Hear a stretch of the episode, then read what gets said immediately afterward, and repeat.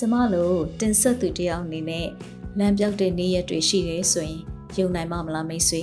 တကယ်တော့ကျမတို့တင်ဆက်သူတွေမှာလည်းဒီလိုကာလမှာဖြတ်သန်းနေရတဲ့လူသားဆန်ဆန်ခံစားချက်တွေရှိနေပါသေးတယ်ဒီရေရင်မမောပုတ်ပုတ်ပပ podcast ကိုစတင်လုပ်ခဲ့တော့ကလည်း ဒီလောက်အထိဖန်တီးမှုတွေအများကြီးဖြန့်ကျက်သွားမယ်လို့ကျွန်မမရည်ရွယ်ခဲ့သလိုအခုလိုလူငယ်တွေနဲ့ပူးပေါင်းပြီးအလုပ်လုပ်ရလိမ့်မယ်လို့လည်းတခါမှမစင်စားမိခဲ့ပါဘူး။ဒါပေမဲ့တဖြည်းဖြည်းအလုပ်လိုအပ်ချက်အရာရောပိုလုံနိုင်တဲ့လောက်ကိုခြေလန်းကြည့်ခြင်းနဲ့စိတ်ကလည်းဖြစ်လာတဲ့အခါကျတော့တက်သစ္စာလူငယ်ကဏ္ဍကိုအစာပြုဖြစ်ခဲ့ပါတယ်။ ပြောရရင်တော့အနာဂတ်မှာဒီလူငယ်တွေရဲ့လက်ထဲကနေအကောင်းဆုံးသောဖန်တီးမှုတွေထွက်လာပါစေတော့ဒီအတွေ့အကြုံတွေကနေအလောက်ကိုင်ခွင့်လန်းကောင်းတွေရလာပါစေတော့ဖန်တီးမှုနယ်ပယ်မှာပညာရှင်ဆန်ဆန်အများနဲ့ရင်မောင်တန်းပြီးလုံနိုင်စွမ်းတွေတိုးတက်လာပါစေတော့ဆိုတဲ့ဆန္ဒတွေနဲ့ပဲရှေ့ဆက်ပြီးကျွန်မတိုးလုပ်ခဲ့ပါတယ်။တကယ်တော့တနေ့ကို12နာရီနဲ့အထက်ကွန်ပျူတာရှေ့မှာချိန်ယူပြီးအလုပ်လုပ်နေဖို့ကျွန်မအတွက်အရာရာကချိုးချုံမွေ့မွေ့ဖြစ်မနေခဲ့ပါဘူး။ ကျမမှလည်းအများနည်းတူမိဘရှိတယ်ခင်မွန်းရှိတယ်ပြီးရင်လုပ်ငန်းခွင်ရှိတယ်အိမ်ရှင်မဘဝရှိတယ်ဒီလိုဘဝတွေမှာရက်တည်ရင်းနဲ့ပဲအိမ်ထဲကနေလူငယ်တွေကိုလက်တွဲခေါ်ယူဖို့စ조사နေသူဖြစ်ပါတယ်ပြောမယ်ဆိုရင်ကောင်းထဲမှာတနေ့လုံးကိစ္စပေါင်းစုံကိုတပြိုင်နက်ထည့်ပြီးတော့မှဖန်တီးမှုလုပ်ရတာကကျမကိုစိန်ခေါ်မှုပေါင်းစုံနဲ့ကြုံတွေ့စေသလိုစိတ်ခွန်အားနဲ့ခံနိုင်ရည်ကိုလည်းတိုးလာစေတယ်လို့ခံစားမိပါတယ်ဒီလိုအတွေ့အကြုံတွေကနေကိုကိုကို စိတ်တကြခြင်းဆိုတဲ့ကြောက်ကဘာကနေပြန်ပြီးတော့မှဆွဲတင်ယူနေရတာဖြစ်ပါတယ်ဒီအပတ်ကျမတင်ဆက်ချင်တာကတော့ MCA network နဲ့ရီရီမမောပေါပေါပပ podcast ကိုမတန်ဆွမ်းလူငယ်တွေနဲ့အတူပါဝင်နိုင်အောင်လို့ဥဆောင်နေရတဲ့ဖန်တီးသူတယောက်ရဲ့နောက်ွယ်ကရုန်းကန်ရမှုတွေကိုမိတ်ဆွေတွေကိုဝေမျှပေးချင်တာဖြစ်ပါတယ်။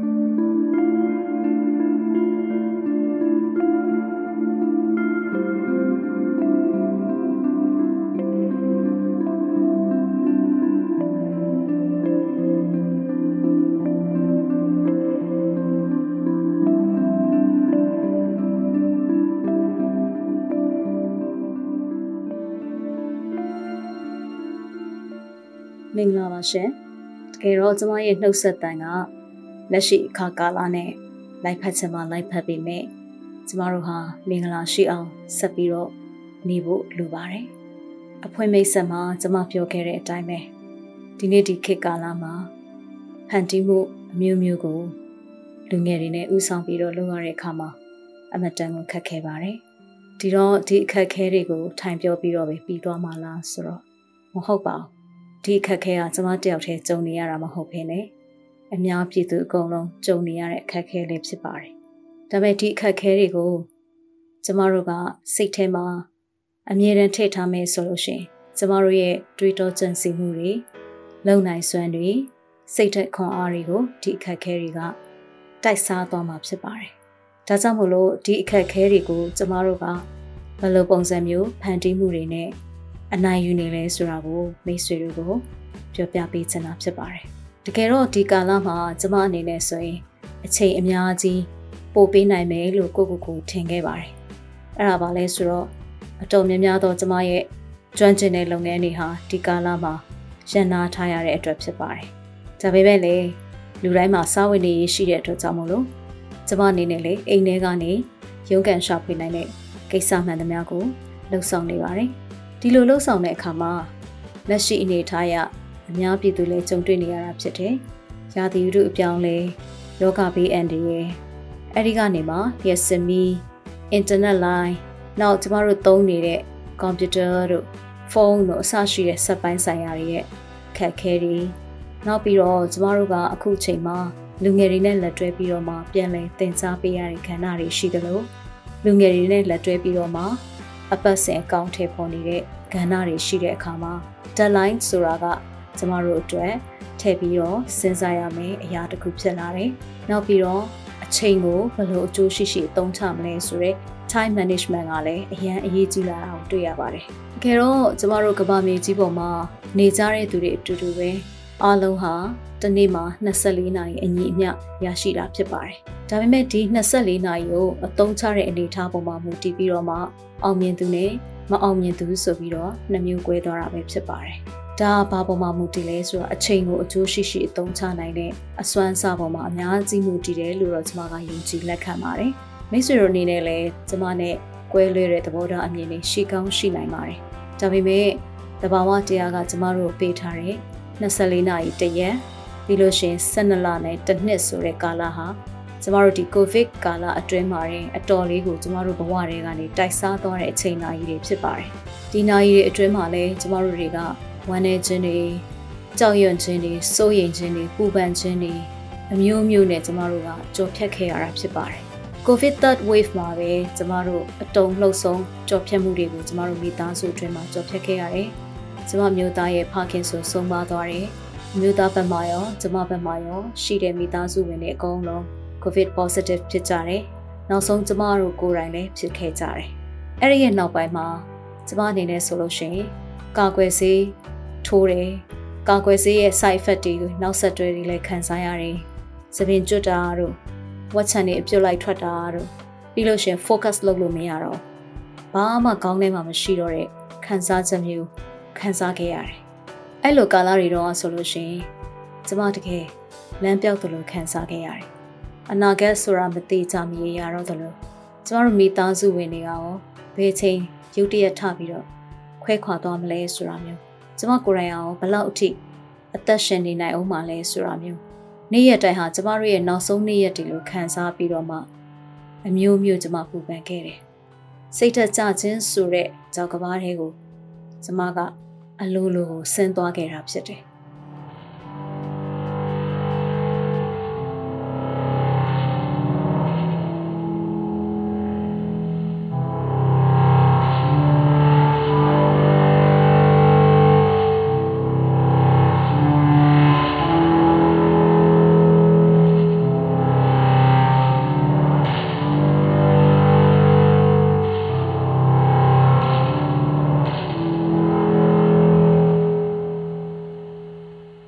ပေမဲ့ကျမတို့စိတ်ထက်ကြနေလို့ဘယ်အရာမှမပြီးနိုင်ဘူးပေါ့နော်ဒီအတွက်ကျမနီလန်းရှာပြီးတော့တခုခုလုပ်ရမယ်ဆိုတော့ကိုယ့်ကိုတက်လှန့်နှိုးဆော်နေတဲ့အချိန်မှာပဲဒီနေ့မှာကျမအမျိုးသားတက်နေတဲ့အစည်းအဝေးကနေပြီးတော့မှဒီ podcast နဲ့ပတ်သက်တဲ့အကြောင်းလေးကိုပြောနေတာကျမကြားရတယ်ကျမသတိထားပြီးတော့နားထောင်တဲ့အချိန်မှာတန်ဆွမ်းအတိုင်ဝန်ဘက်ကပြန်လှန်မေးကြတဲ့သူတွေက podcast ဆိုတာကိုကောင်းကောင်းနားမလည်ဘူးဆိုတာကိုကျမသွားသတိထားမိတယ် ပြောရမယ်ဆိုလို့ရှိရင် podcast ဆိုတာနဲ့အလှမ်းဝေးနေတယ် podcast နည်းပညာတွေဟာမတန်ဆွမ်းအတိုက်အဝန်းမှာလိုအပ်နေပါလားဆိုတာကိုကျွန်မသွားပြီးတော့တွေ့တယ်။အဲ့ဒီအတွက်ခေါင်းထဲမှာလက်ခနဲတစ်ခုအကြံရလိုက်တယ်။အဲ့ဒီနောက်မှာတော့နေချင်းညချင်းပဲ podcast လေးတစ်ခုအကောင့်ထဲပေါ်ကြည့်မယ်။ဘာလို့လဲဆိုတော့ကျွန်မကိုယ်တိုင်ကလည်းမတန်ဆွမ်းအတိုက်အဝန်းထဲမှာ radio program နဲ့ကောင်းကောင်းလေး အစပြုတ်ပြီးအလုပ်လုပ်ခဲ့မှုတဲ့သူဖြစ်တဲ့အတွက်ကြောင့်မို့လို့ကျမဒီအကြောင်းအရာနဲ့အလှမ်းမဝေးဘူးကျမလေးလာပြီးတော့စီးပူးမယ်ဆိုလို့ရှင်ဒီ podcast ဆိုတာကျမအတွက်ကောင်းရိုးလေးတစ်မြင်ဖြစ်နိုင်တယ်ဆိုတဲ့ယုံကြည်ချက်နဲ့ကျမအစပြုခဲ့တယ်။အားလုံးသိကြတဲ့အတိုင်းပါပဲကျမတို့ MCA network ဆိုတာက no project no budget ပါ။ဘာလို့လဲဆိုတော့ကျမ NGO မလုပ်ချင်ပါဘူး။ NGO အလုပ်တွေကိုလည်းကျမမပျော်မွေ့လို့မှရုံထွက်ခဲ့တာဖြစ်ပါတယ် နောက်တစ်ခုကကြတော့ငွေရေးကြေးရေးနဲ့ပတ်သက်တဲ့ကဏ္ဍတွေကိုကျမအနေနဲ့လက်ဆောင်ခြင်းတဲ့အပိုင်းလေးဖြစ်ပါတယ်။ဒါကြောင့်ကိုယ်စိတ်ကိုစားပြီးတော့မှကိုတက်နိုင်တဲ့လောက်ပဲလုပ်မယ်ဆိုတော့လူမှုရေးစံသတ်မှတ်ချက်တစ်ခုကိုကျမချမှတ်ခဲ့ပါတယ်။ဒါကြောင့်လည်း MCA network ကို no project no budget အနေနဲ့ကျမတို့ကပညာပေးမယ်ပြီးလို့ရှိရင်အကြံဉာဏ်ပေးမယ်လက်တွဲခေါ်ယူမယ် တခြားဖန်တီးမှုနယ်ပယ်အခွင့်အလမ်းတွေနဲ့ချိတ်ဆက်ပေးမယ်ဒီလိုနဲ့မေတ္တာတရားတန်တန်နဲ့ပဲကျွန်မအလုပ်လုပ်ချင်တဲ့အတွက်ကြောင့်မို့လို့ဒီလိုမျိုးဘယ်အဖွဲ့အစည်းကကန်လှန်ကန်လှန်ကျွန်မအနေနဲ့ငွေကြေးအားဖြင့်ပူပေါင်းပြီးလုပ်ရတဲ့ project မျိုးတွေကိုကျွန်မစိတ်ဝင်စားခဲ့ဘူးဒါပေမဲ့ partially ပေါ့နော်တစိတ်တစ်ပိုင်းအားဖြင့်ကျွန်မကိုယ်တိုင်ကနီးပြအဖြစ်တော်လကောင်းပါဝင်ရတဲ့ project မျိုးတွေအထူးသဖြင့်မတန်ဆွမ်းအတိုင်ဝန်ကမဟုတ်တဲ့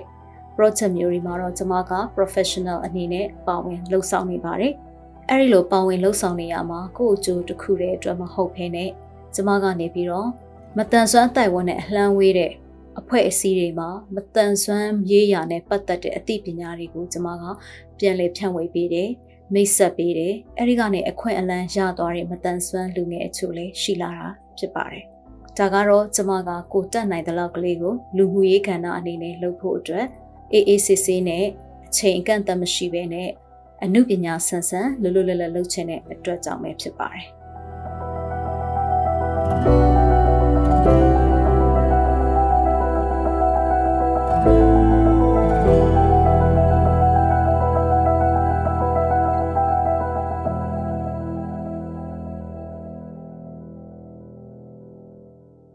အဲ့တော့ကျမအနေနဲ့ ရေရေမောမောပေါပေါပါပါ podcast ကိုစလုပ်တဲ့အခါမှာကျမမှာတိုင်ပင်စရာဆိုလို့ကျမတို့ MC network ကထူးချွန်တင်နန်းသားလေးဖြစ်တယ်။ကျမနဲ့ဆိုရင်လည်းဒါတိုင်ပင်ပေါ်တိုင်ပင်ဘက်လိုမျိုးအတန်ဆွမ်းရေးရာတွေနဲ့ပတ်သက်လို့ရှိရင်အမြဲတမ်းလက်ပွန်တတိရှိတဲ့ကျမတို့ရဲ့တင်နန်းသားလေးဖြစ်တဲ့ကိုပြေဖြိုးအောင်နဲ့ကျမတိုင်ပင်ဖြစ်တယ်။နှစ်ယောက်စလုံးကလည်းဒီ focus ပေါ်မှာစိတ်အားထက်သန်မှုတွေနဲ့လေ့လာမှုတွေရှိနေကြတဲ့ကာလဖြစ်နေတဲ့အတွက်တိုက်တိုက်ဆိုင်ဆိုင်ပဲကျမတို့ဒီ focus နာမည်လေးကို တစ်ပတ်အတွင်းမှာပဲကျွန်မစူးစမ်းပြီးတော့နာမည်လေးတွေပေါ်တယ် logo လေးတွေလုပ်တယ် channel လေးတွေကျွန်မ like ထောင်တယ်ဒီလိုပုံစံမျိုးနဲ့ပဲကျွန်မအစပြုခဲ့တာဖြစ်ပါတယ်စလုပ်တုန်းကတော့တစ်ပတ်တစ်ပုတ် program လေးတွေနဲ့ပဲကျမတို့သွားမယ်ဆိုပြီး AACC လုပ်ခဲ့ကြတယ်ဒါပေမဲ့တစ်ပတ်တစ်ပုတ်ဆိုတာကကျမတို့ပြောချင်တဲ့အကြောင်းအရာတွေကများလာတဲ့အခါကျတော့အချိန်မလောက်တလို့ဒါမှမဟုတ်အချိန်ကနည်းနေတယ်လို့ဒါမှမဟုတ်ပြိသက်တွေအနေနဲ့ဆိုလို့ရှိရင်လည်း ဒီတပုတ်နားထောင်ပြီးအချိန်တစ်ပတ်ကြီးများတော့စောင့်အောင်မလားဆိုတော့ခံစားချက်မျိုးလည်းရှိလာတယ်ပေါ့နော်အဲ့ခါကျတော့ကျမတို့အနေနဲ့တယောက်တည်းကတော့ဒီလိုပုံစံနဲ့တပတ်တပုတ်အပြင်ပို့မလုံနိုင်ဘူးဘာဖြစ်လို့လဲဆိုတော့ကျမကအစီအစဉ်တွေကိုတကူတော့တီးဖြတ်တယ်ပိုစတာတွေကစအကုန်လုံးတကူတော့လုံနေတာဖြစ်တဲ့အတွက်အာတယောက်တည်းဘလောက်တိုင်းတာထိလုံနိုင်မှာလဲပေါ့နော်ဒီလိုမျိုးစဉ်းစားတဲ့အခါကျတော့ကိုနဲ့စိတ်တူကိုယ်တူတွေဒါရှိတယ်ဆိုရင်တော့ data လုံနိုင်မယ်ဆိုတဲ့ယုံကြည်ချက်နဲ့ပဲကျမတို့ intern ခေါ်ဖို့အတွက်ကိုပြပြောအောင်တဲ့တိုင်ပင်ဖြစ်တယ်။အဲဒီကနေကျမတို့ intern ရဲ့သဘောတရားတွေကိုကျမလေ့လာတယ်။ဒါပေမဲ့အခြားသော intern တွေကတော့ငွေကြေးအဖြစ်တော့၎င်းအလုပ်ကိုင်ခွင့်လန်းအဖြစ်တော့၎င်းပြန်လည်ထောက်ပံ့ပေးနိုင်ပြီမဲ့လို့ကျမတို့ intern ကတော့ဒီလိုမျိုးထောက်ပံ့ပေးနိုင်ခြင်းမရှိဘူး။ဒါပေမဲ့လက်တွဲပူးပေါင်းမဲ့လူငယ်တွေကအကျိုးမရုပ်သွားစေချင်တဲ့အတွက်ကြောင့်မလို့ကျမတို့အစီအစဉ်တစ်ခုတည်းအတွက်မဟုတ်ဘဲနဲ့သူတို့ရဲ့အနာဂတ်ဖန်တီးမှုတွေအတွက်ပါ သူတို့ကိုယ်တိုင်ကိုပိုင်ပရိသတ်ကိုတည်ထောင်နိုင်ဖို့ကိုပိုင် channel တွေကိုအစပြုလုပ်နိုင်ဖို့ပြီးလို့ရှိရင်လိုအပ်တဲ့နည်းပညာ skills တွေအကြံဉာဏ်တွေကိုကျမတို့ကပေးဖို့အတွက်သူတို့ ਨੇ ဂတိကဝတ်ပြုပြီးတော့မှအလုပ်တင်ဖြစ်နေကျမတို့ဖိတ်ခေါ်ခဲ့တာဖြစ်ပါတယ်ပြောမယ်ဆိုရင်တော့ MC network မှာအလုပ်တင်ဖြစ်လာလျှောက်ထားကြတဲ့တဝက်လောက်ဟာ MC network ကလုပ်တဲ့ရေရေမမောပေါပေါပပ program ကိုနားမထောင်ဘူးပဲနဲ့အလုပ်တင်ဆိုတာ တွေ့တိုင်းရန်တမ်းပြီးတော့ရှောက်ကြတဲ့သူတွေများပါတယ်။တန်ဆွမ်းသူတွေတဲကလည်းပါပါတယ်။တန်ဆွမ်းတဲ့အခြားသောနေပယ်ကလူတွေလည်းပါပါတယ်။တချို့ကြတော့ကျမတို့ခေါင်းစဉ်ကိုပဲကြည့်ပြီးတော့မှသူတို့ကဘလို့ထင်လဲဆိုရင်ဟာတာတွေလုပ်တဲ့ program လို့ထင်ကြတဲ့သူတွေရှိတယ်။တချို့ကကြတော့ channel ကိုသေချာနားမထောင်ထားပဲနဲ့အာမတန်ဆွမ်းအကြောင်းကိုကြီးစရာတွေပြောတဲ့ channel ဆိုပြီးတော့ interview တွေမှာတလွဲဖြေကြတာတွေရှိတယ်။ချို့ကြတော့ MCA network ရဲ့ page ကိုရော channel ကိုရောမသိဘဲနဲ့ဒီအလုပ်တင်ဆိုတဲ့ form ကိုဘူးမသိပါမသိဖြည့်လာကြတဲ့သူတွေလည်းရှိတယ်။တချို့စားတော့လေ captionist ဆိုတာကလက်နဲ့ပဲစာရေးပေးရမယ်လို့ထင်တာလောက်လေးနဲ့လာလျှောက်ကြတဲ့သူတွေရှိတယ်။တကယ်တမ်းပြန်ပြီးတော့ဒီ intern ခေါ်တဲ့အခါမှာမတန်ဆွမ်းလူငယ်တွေနဲ့ပတ်သက်ပြီးပါသွားတွေ့ရလဲဆိုရင်တော်တော်များများကလေးလာမှုအားနေတာကိုတွေ့ရတယ်။ကိုထင်တာလေးလောက်နဲ့ပဲကိုချိန်နဲ့နေကြတာကိုတွေ့ရတယ် ဒါကတော့လူငယ်တိုင်းတော့ဟုတ်ချင်မှဟုတ်မယ်ပေါ့နော်ဒါပေမဲ့ကျမတို့စီမှာလာလျှောက်ပြီးတော့မှအတော်များများတွေ့ခဲ့ရတဲ့လူငယ်တွေဟာအဲ့ဒီလိုစိတ်သဘောထားရှိကြတယ်ဘာလို့လဲဆိုတော့သူတို့ဟာချဲ့ထွင်လေးလာမှုဆိုတဲ့အပိုင်းကိုသွားဖို့အတွက်သူတို့ကိုသူတို့တွန်းအားပေးဖို့မိနေကြတယ်ဒါဟာအမတန်အရေးကြီးတဲ့အချက်တစ်ခုပါပဲ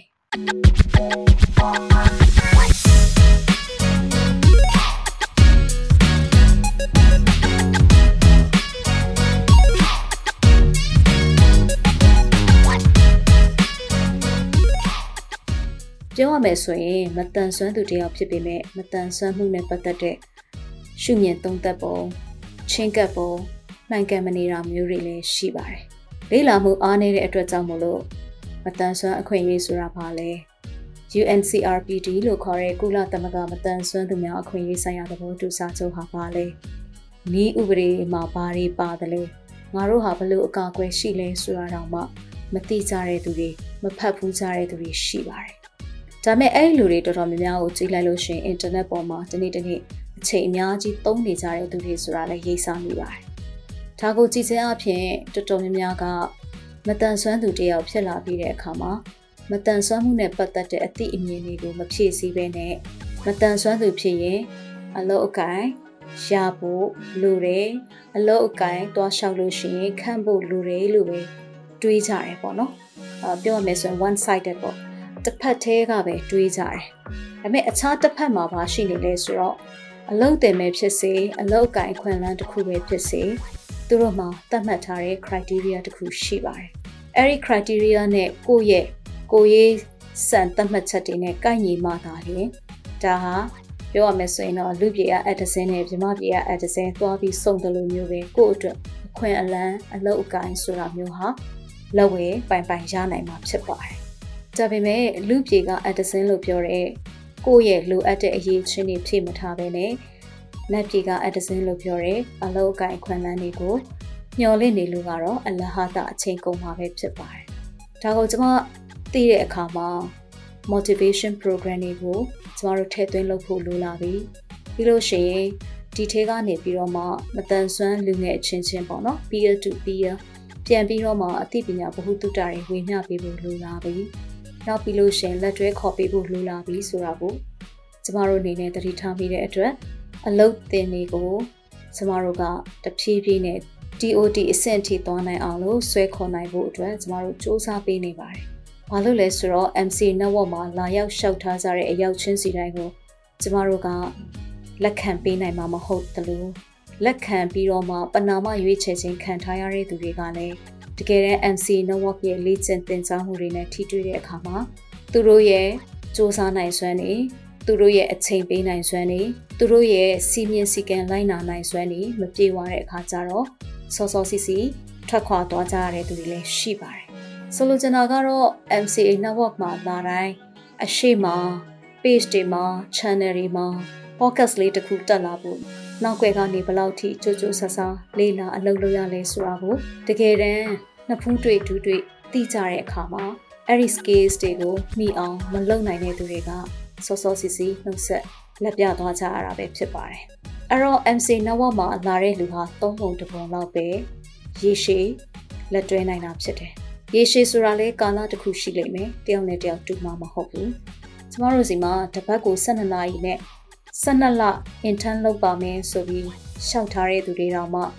3လမခံဘဲနဲ့လေ့ကျင့်စင်တွေကိုလက်မြောက်ရှုံးပေးသွားကြတဲ့သူတွေရှိပါတယ်။ဒါပါလဲဆိုတော့နံပါတ်1ချက်ကတော့ဖန်တီးမှုဆိုတာလွယ်လွယ်နဲ့လုပ်လို့မရဘူးဆိုတဲ့အချက်ကိုသက်သေပြနေတာဖြစ်တယ်လို့စ조사အားထုတ်မှုမရှိဘဲနဲ့ဖန်တီးမှုနယ်ပင်မှာနေရာယူလို့မရဘူးဆိုတာကိုလည်းသိစေတာဖြစ်ပါတယ်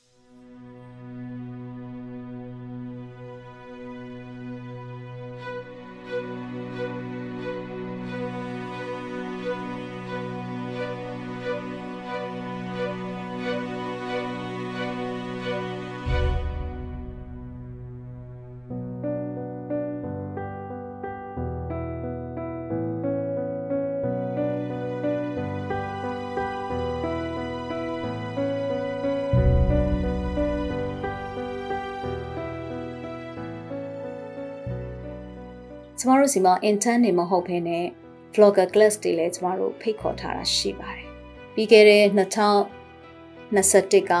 မဖွင့်ဖြစ်တဲ့ vlogger class ကိုလည်းကျမတို့ပြန်ဖွင့်ဖို့အတွက်အရင်လျှောက်ထားတဲ့သူတွေကိုပြန်ပြီးတော့မှအသိပေးတာနောက်ထပ်လျှောက်တဲ့လူတွေကိုလည်းဖိတ်ခေါ်တာရှိခဲ့ပါတယ်။ကျမတို့စီမှာဘာတင်တန်းလျှောက်လျှောက်ကိုယ့်ရဲ့စူးစမ်းအားထုတ်မှုနဲ့ကိုယ့်ရဲ့ရှိပြီးသားဝမ်းစာကိုပေါ်ထုတ်ပြသနိုင်ဖို့အတွက်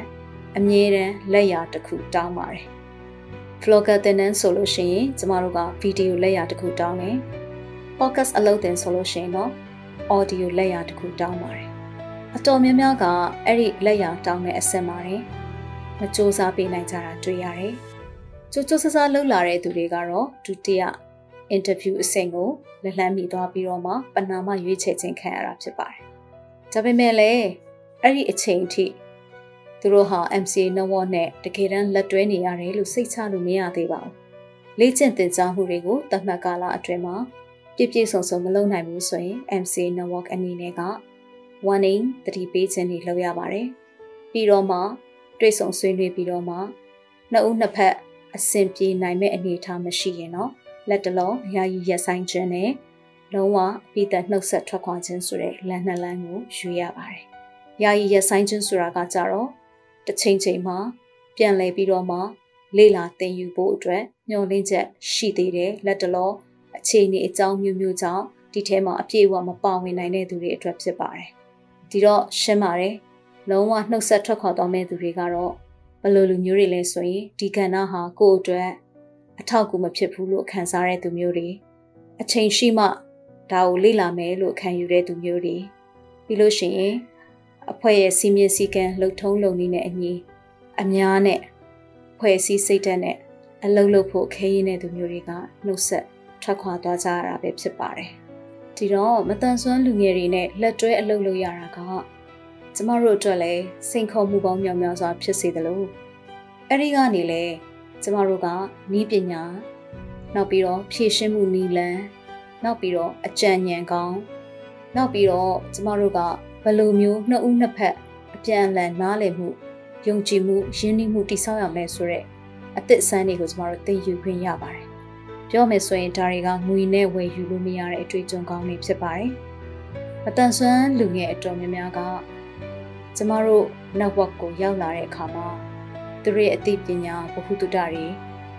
ထပ်တိုးပြီးတော့မှမြင့်တင်ခြင်းခံရတဲ့အတွက်ကြောင့်မလို့ ဒီတန်ကိုမခံနိုင်တဲ့သူတွေကတော့ရေရှည်လက်တွဲဖို့ကျမတို့ ਨੇ မဖြစ်ပါဘူးဒီတန်ကိုခံနိုင်တဲ့လူငယ်တွေမှသာကျမတို့ network မှာရေရှည်ရပ်တည်နေနိုင်တာဖြစ်ပါတယ်။ဘာလို့လဲဆိုတော့ကျမတို့ကနောက်တစ်ချိန်မှာသူတို့အတွက်အလောက်ကိုင်ခွင့်လန်းတွေပွင့်လန်းလာတဲ့အခါမှာသူတို့လေ့လာစီးပူးထားတဲ့ပညာရက်တွေသူတို့အတွေ့အကြုံရသွားတဲ့အနေအထားတွေကနေ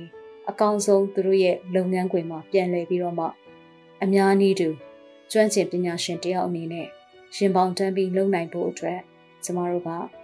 ပြောရမယ်ဆိုရင်တော့အိုးကောင်းရဖို့တော့အိုးကိုနာနာတီးရပါတယ်။နာနာမတီးထားတဲ့အိုးကရေထည့်လဲခံမှာမဟုတ်တလို့ပြုတ်ကြလဲခံမှာမဟုတ်ပါဘူး။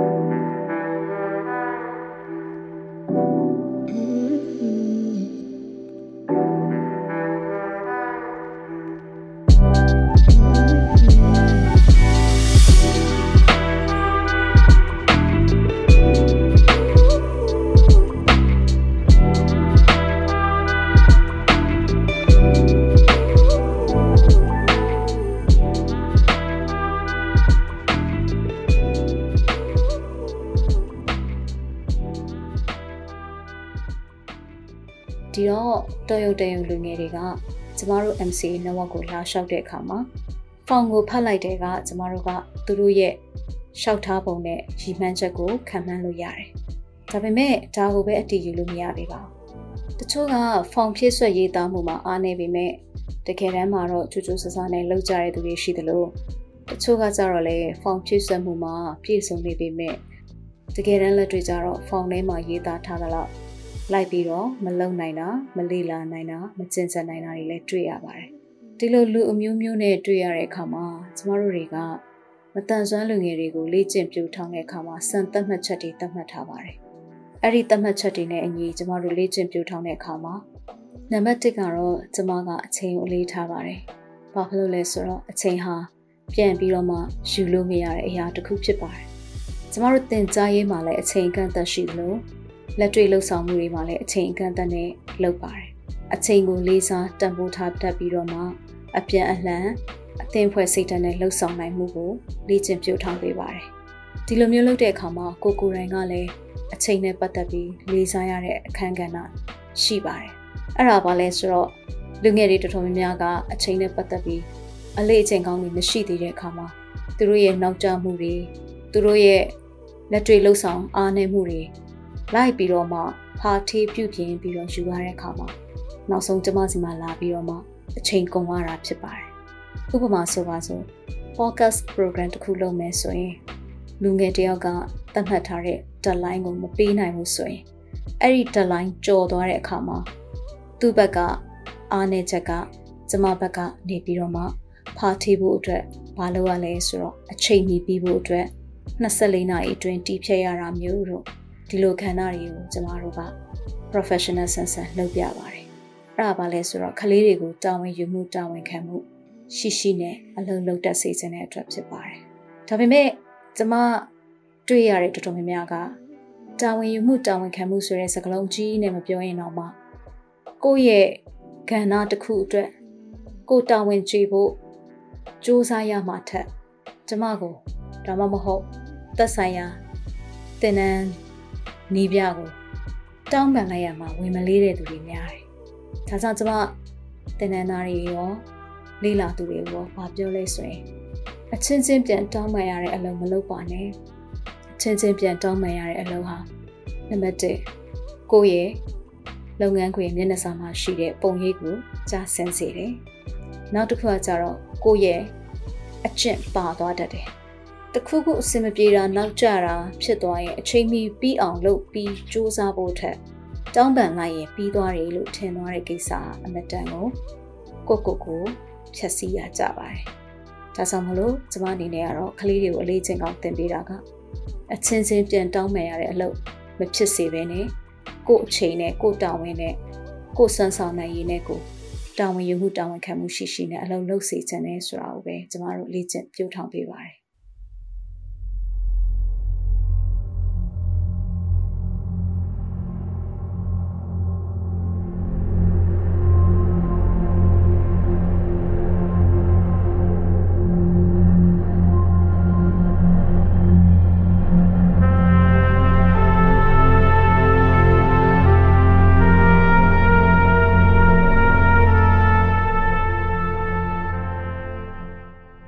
ကိုယ်တိုင်ဆိုရင်လည်းမိသားစုနဲ့ရက်တည်နေရတယ်။အိမ်ရှင်မလည်းဖြစ်တယ်။သမီးတစ်ယောက်ရဲ့တာဝန်ကိုလည်းကြည်အောင်ထမ်းဆောင်တယ်။ကိုယ့်ရဲ့ professional လုပ်ငန်းတွေမှာလည်းတစ်စိတ်တစ်ပိုင်းအဖြစ်အိမ်ထဲကနေကိုတာဝန်ယူနိုင်တဲ့လောက်လှုပ်ဆောင်ရတဲ့ကာလဖြစ်နေတယ်။နောက်ဆုံးကျမအတွက်စွမ်းဆောင်နိုင်ရည်ကို challenge အဖြစ်ဆုံးကတော့လျှက်စမီနဲ့လုံပန်းရတဲ့ကိစ္စပေါ့နော်။တခါလေးမှကျမက အိမ်အလုပ်တွေကိုလျှက်စစ်မိလာတဲ့အချိန်မှာဦးစားပြီးလုပ်လိုက်ရင်ကျမတကယ်ဖန်တီးမှုတွေကိုအားစိုက်ပြီးတော့ကွန်ပျူတာနဲ့လုပ်တော့မယ်ဆိုပြီးထိုင်တဲ့အချိန်မှာမိကပြတ်သွားတယ်။ဒါကနေစားတူကကြုံနေရတဲ့ကိစ္စပါ။ကျမပြောတာကဘာမှအထူးဆန်းတော့မဟုတ်ပါဘူး။ဒါပေမဲ့ကျမတနေ့ကို12နာရီကျော်လောက်ကွန်ပျူတာရှေ့ထိုင်ရတယ်ဆိုတချို့လူတွေကယုံကြည်မှတော့ယုံတယ်။တချို့ကာလတွေမှာ24နာရီမှာကျမ4နာရီတောင်အိတ်ချိန်မရှိဘဲနဲ့နာရီ20လောက်အလုပ်လုပ်ရတဲ့အချိန်ရှိတယ် အဲ့လိုကြီးကြီးကျယ်ကျယ်ပြောနေလို့ဝင်ငွေရတဲ့အလုပ်လားဆိုမဟုတ်ပါဘူးကျွန်မလူမျိုးလုပ်နေရပါအဲ့ဒါပါလဲဆိုတော့စောစောရလို့အစင်ဆက်ဒလိုင်းတွေကိုတာဝန်ယူမှုတာဝန်ခံမှုရှိရှိနဲ့လုပ်ပြနိုင်တဲ့ပုံစံမျိုးနဲ့အရှိကဥဆောင်ပြီးတော့မှလုပ်ရတဲ့တာဝန်ကအရင်အရေးကြီးပါတယ်ကလေးတွေကိုလည်းဒီလိုအလေးကျင့်တွေကိုပြုစုပြောထောင်ဖို့အတွက်ကျမတို့ regular program တွေကိုသတ်မှတ်ထားတာဖြစ်ပါတယ်ဒါမဲ့သူတို့ကိုကျမတို့ကလုံလောက်တဲ့ပြင်ဆင်ချိန်တွေပေးတယ်လုံလောက်တဲ့ ကျွမ်းကျင်မှုတွေရှိအောင်ကျမတို့လေ့ကျင့်ပြုထောင်ပေးခဲ့တယ်။ဒါပေမဲ့ဒီအပေါ်မှာတယောက်ချင်းစီရဲ့ခံယူတဲ့အတိုင်းအတာမတူဘူး။တယောက်ချင်းစီရဲ့အားစိုက်တဲ့အတိုင်းအတာမတူတဲ့အတွက်တယောက်ချင်းစီရဲ့ရလက်တွေမတူတာကိုလေတချို့သောမိတ်ဆွေတွေသတိထားမိမယ်ထင်ပါတယ်။ပထမအသုတ်ပနာမရွေးချယ်ခြင်းခံထားရတဲ့အထက်မှာရှိတဲ့လူငယ်အတော်များများဟာခုချိန်မှာပျောက်သွားပါပြီ။နောက်ထပ်လူငယ်တချို့ထပ်ရောက်လာပါတယ်။ဒီမှာဇွဲရှိရှိနဲ့ အာကျမတို့ရဲ့ပြောဆိုသွန်သင်မှုတွေကိုခံနိုင်ရရှိရှိနဲ့လေ့လာသင်ယူနေတဲ့လူငယ်တချို့ပဲ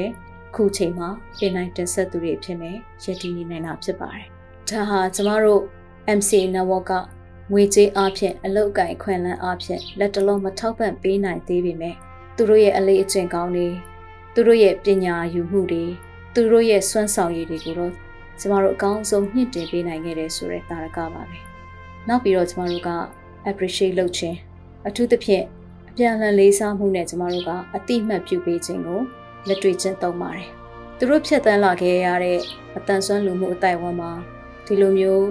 အလေးအကျင့်ကသူတို့ထိတွေ့ဘူးခြင်းမှာထိတွေ့ဘူးပါလိမ့်မယ်။ဒါပေမဲ့ကျမတို့ကဒါကိုအကောင့်ထဲပေါ်ပေးတယ်။ယဉ်ကျေးမှုယုံကြည်မှုတည်ဆောက်တယ်။ဒီကနေပဲကျမတို့အကောင်းဆုံးလက်တွဲနိုင်တဲ့စိတ်တူကိုယ်တူတွေကိုမွေးမြူပါတယ်။တခါလေးမှကျမကိုယ်တိုင်လည်း စိတ်တက်ကြတဲ့အချိန်လေးရှိပါတယ်စိတ်ပြက်ရတဲ့အချိန်လေးရှိပါတယ်နောက်ပြီးစီမံခန့်ခွဲမှုအားနည်းသွားတဲ့အချိန်လေးလည်းရှိပါတယ်ဒါပေမဲ့အဲ့ဒါတွေကိုကျွန်မပြင်ဆင်တယ်ပြီးလို့ရှိရင်ကျွန်မမှားရင်လည်းမှားတယ်အားနေသွားရင်လည်းအားနေသွားတယ်ကျွန်မဝန်ခံတယ်ဆိုတော့ကျမတို့မှာကအပြတ်အနှံလေးစားမှုဆိုတာကကျမကလည်းကျမထက်ငယ်တဲ့သူတွေအလုပ်တင်တွေကိုပြန်ပြီးတော့လေးစားရတဲ့ကာလတွေရှိပါတယ် သူတို့ရဲ့လှုပ်ဆောင်နိုင်စွမ်းတွေသူတို့ရဲ့ဖန်တီးနိုင်စွမ်းတွေသူတို့ရဲ့လေ့လာနိုင်စွမ်းတွေဟာကိုယ့်ထက်တာလွန်နေတယ်ဆိုလို့ရှိရင်လည်းကျမပြန်ပြီးတော့မှလေးစားအတိမှတ်ပြုပေးသလိုကျမရဲ့လမ်းပြမှုပေါ်မှာတသွေမသိမ်းလိုက်လုံနိုင်တဲ့သူမျိုးတွေပြီးတော့မှလွတ်လွတ်လပ်လပ်နဲ့ခွဲထွက်ပြီးတော့လုံနိုင်တဲ့သူမျိုးတွေကိုလည်းကျမတကယ်အတိမှတ်ပြုပါတယ်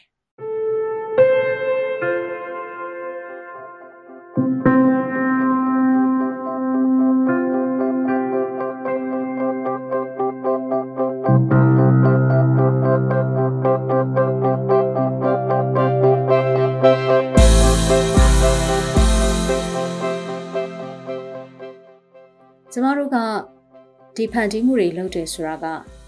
မတန်ဆွမ်းလူမှုအတိုင်းအပေါ်မှာ podcast ဆိုတဲ့ခန်းသားလေးတစ်ခုကိုဖွင့်ပြလာပါစေ podcast ကနေပြီးတော့မှမတည်သေးတဲ့ဗဟုသုတတွေမခံစားဘူးသေးတဲ့ယက်တာတွေမကြားဘူးသေးတဲ့အကြောင်းအရာလေးတွေနဲ့ပို့ပြီးတော့မှဒီကာလမှာခွန်အားယူရက်တည်နိုင်ပါစေဆိုတဲ့ဆန္ဒနဲ့ပဲကျမတို့ကလက်တလုံးမှာဝင်ငွေမရတဲ့အလုပ်ဖြစ်ပေမဲ့ပညာနဲ့ တဘာကိုကျမတို့ကောင်းကောင်းရအောင်လေ့ကျင့်ပေးတာဖြစ်ပါတယ်။ပညာနဲ့တဘာဆိုတာကငွေနဲ့အလွယ်တကူဝယ်လို့မရပါဘူး။ဒါပေမဲ့ဘာနဲ့ဝယ်ရလဲဆိုရင်အချိန်နဲ့စူးစမ်းအားထုတ်မှုနဲ့အလဲလှယ်လုပ်ပြီးတော့မှဝယ်ရတာဖြစ်ပါတယ်။အဲ့တော့အချိန်ကိုအကျိုးရှိရှိအသုံးချတတ်ပြီးတော့မှစူးစမ်းအားထုတ်မှုကိုနှစ်ဆ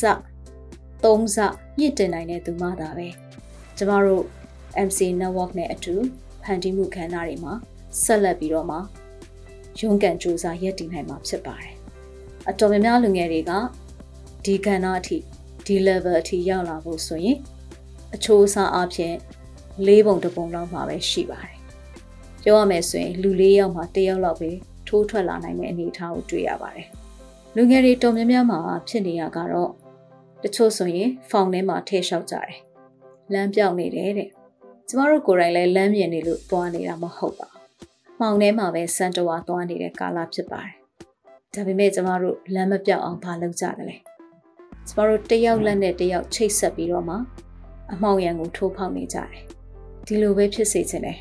အဲ့တော့ကျမတို့က network ဆိုတာကချိတ်ဆက်မှုအားကိုအဓိကယူတယ်ယဉ်ကျေးမှုယုံကြည်မှုနဲ့မိတ်ဖွဲ့ပြီးတော့မှလက်တွဲတည်ဆောက်နေတဲ့ကာလဖြစ်ပါတယ်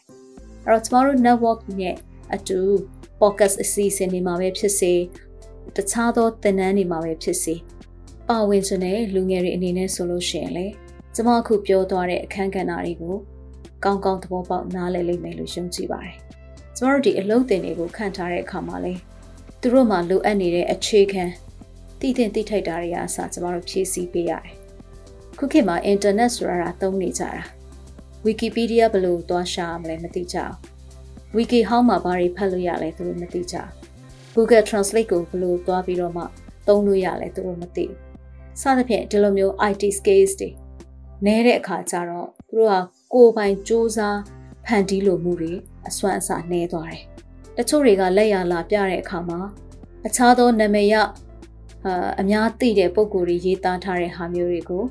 ပြန်ပြီးတော့မှဖန်တီးလာတာမျိုးတွေဆိုရင်ကျမတို့ကအလွယ်တကူလက်မခံဘူး။အဲ့ဒီလိုဟာမျိုးတွေကိုလည်းကျမတို့ကစိတ်ဝင်စားဘူး။ ဘာဖြစ်လို့လဲဆိုတော့ကျမတို့မှာကိုယ်ပိုင်အုံနှောက်ရှိတယ်။ကိုယ်ပိုင်ဘာသာစကားရှိတယ်။ကိုယ်ပိုင်ယဉ်ကျေးမှုရှိတယ်။ကိုယ်ပိုင်အသိဉာဏ်ရှိတယ်ဖန်တီးမှုကြမှာဘာဖြစ်လို့သူများဟာဖြစ်သွားရတာလဲကျမတို့ကိုပိုင်အစွမ်းအစရှိသလောက်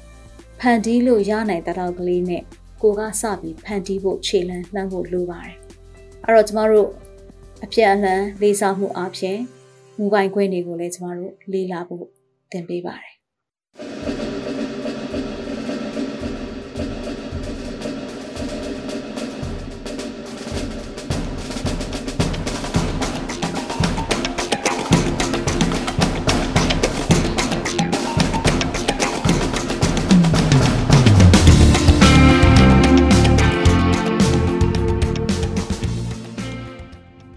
ဒါကိုဘာကြောင့်ကျွန်မပြောလဲဆိုရင်မတန်ဆွမ်းလူငယ်အတော်များများကကိုယ့်ရဲ့အရေးချင်းဖြည့်ဖို့ထက်တခြားသောကိုယ့်ကိုအရေးချင်းဖြည့်ပေးမဲ့သူတွေကိုယ့်ကိုအရေးချင်းမြင့်တင်ပေးမဲ့သူတွေကိုတွားပြီးရှာနေတတ်ကြတယ်ဥပမာအလုတ်တင်ဆိုရင်လည်းဝုန်းကနေအများကြီးရှောက်ကြတယ်တကယ်တမ်းကျတော့ဘာမှရေးရရလေးလာထားတာမရှိဘူးကျွမ်းကျင်ထားတာမရှိဘူးပေါ့နော်အဲ့တော့အရင်ဆုံးကိုကိုကိုဖြည့်စေခြင်းတယ်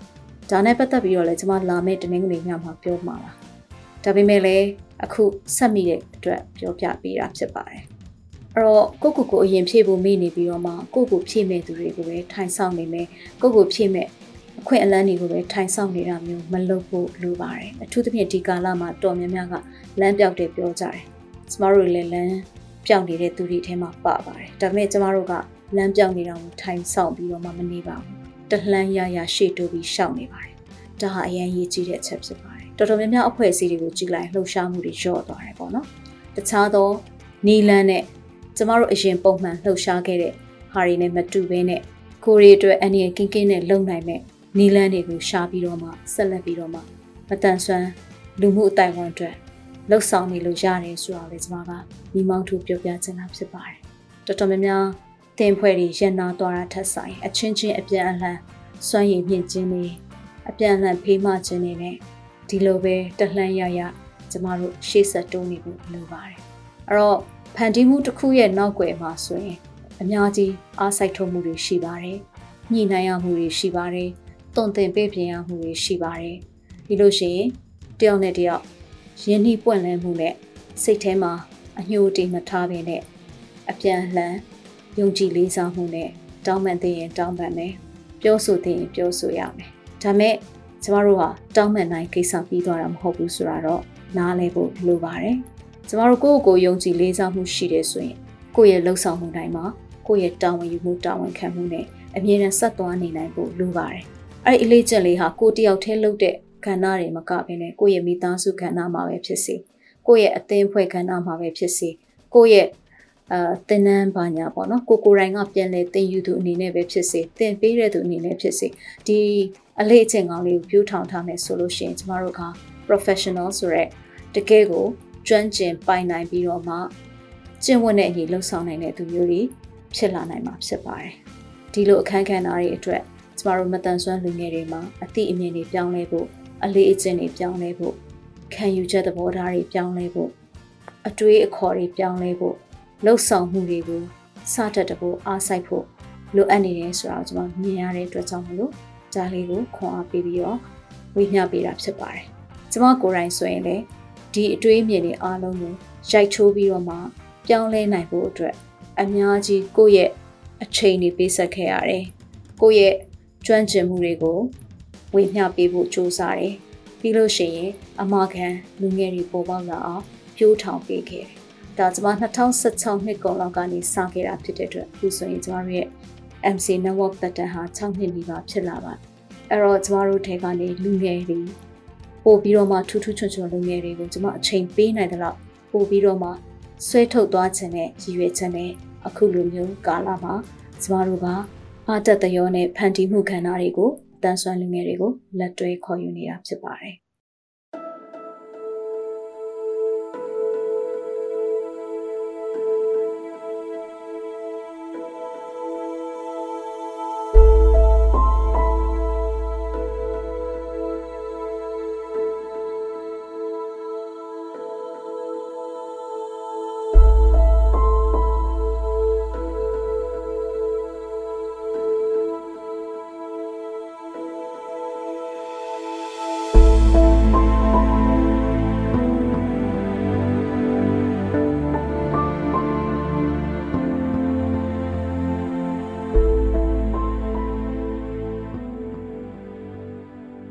နောက်တစ်ချိန်ပြောင်းလဲတွေဖြစ်သွားလို့လောက်ကင်ခွင်လန်းတွေပွင့်လန်းလာပြီဆိုရင်ကျမလည်းဒီကဏ္ဍမှာဒီလောက်ထိချိန်ပေးချင်မှပေးနိုင်မယ်။ဒါပေမဲ့ကျမအကောင်းဆုံးလူငယ်တွေအတွက်တရားဒဇင်းလိုမျိုးဖန်တီးမှုနယ်ပယ်ကိုရှောင်းနိုင်ဖို့အတွက်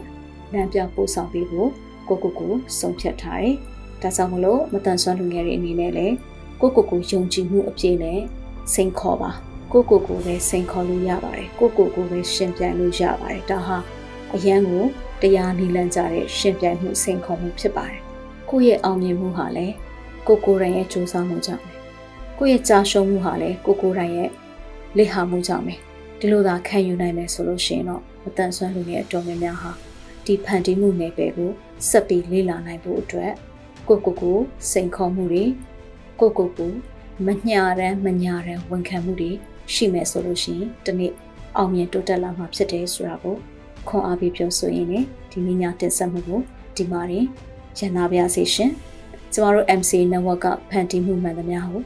စိတ်ဝင်စားကြတဲ့လူငယ်တွေအနေနဲ့အချိန်မီလက်တွဲပူးပေါင်းဖို့အတွက်ကျမတို့အနေနဲ့ဖိတ်ခေါ်ထားပါတယ်ဒါပေမဲ့စောစောတုန်းကပြောထားတဲ့အနေအထားတွေကိုအမှန်တကယ်ရုန်းကန်ရင်ဆိုင်ဖို့တတိရှိမှာပဲအမှန်တကယ်ရုန်းကန်ရင်ဆိုင်ဖို့စန္ဒရှိမှာပဲကျမတို့စီကို fountain ပါလို့ကျမက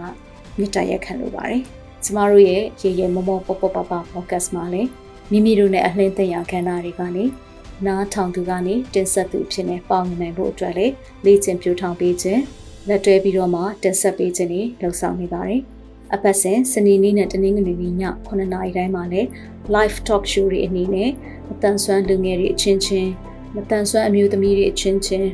ခွန်အားယူွယ်အကြောင်းအရာတွေနဲ့အသည့်အမြင်ရရှိစေမယ့်အကြောင်းအရာတွေကိုကျမတို့ စူးစမ်းပြီးတင်ဆက်ပေးနေပါတယ်ရှင်။မတန်ဆွမ်းအတိုက်ဝန်အတွက်အရွေးတစ်ခုကိုရောက်ဖို့ကျမတို့ MC network ကလည်းနေချင်းလေးတော့အားထုတ်လို့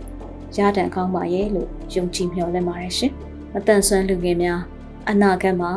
တောက်ပတဲ့အလောက်ကိုင်ခွန်လန်းနေပေါ်ပေါက်လာဖို့အတွက်ကျမတို့ MC network ကအုတ်တစ်ချက်သေးတပွင့်အနေနဲ့လက်တွဲဖေးကူနေတယ်ဆိုတာကိုမိတ်ဆွေတို့ကိုအသိပေးချင်ပါတယ်ရှင်။အားလုံးကိုကျေးဇူးတင်ပါတယ်ရှင်။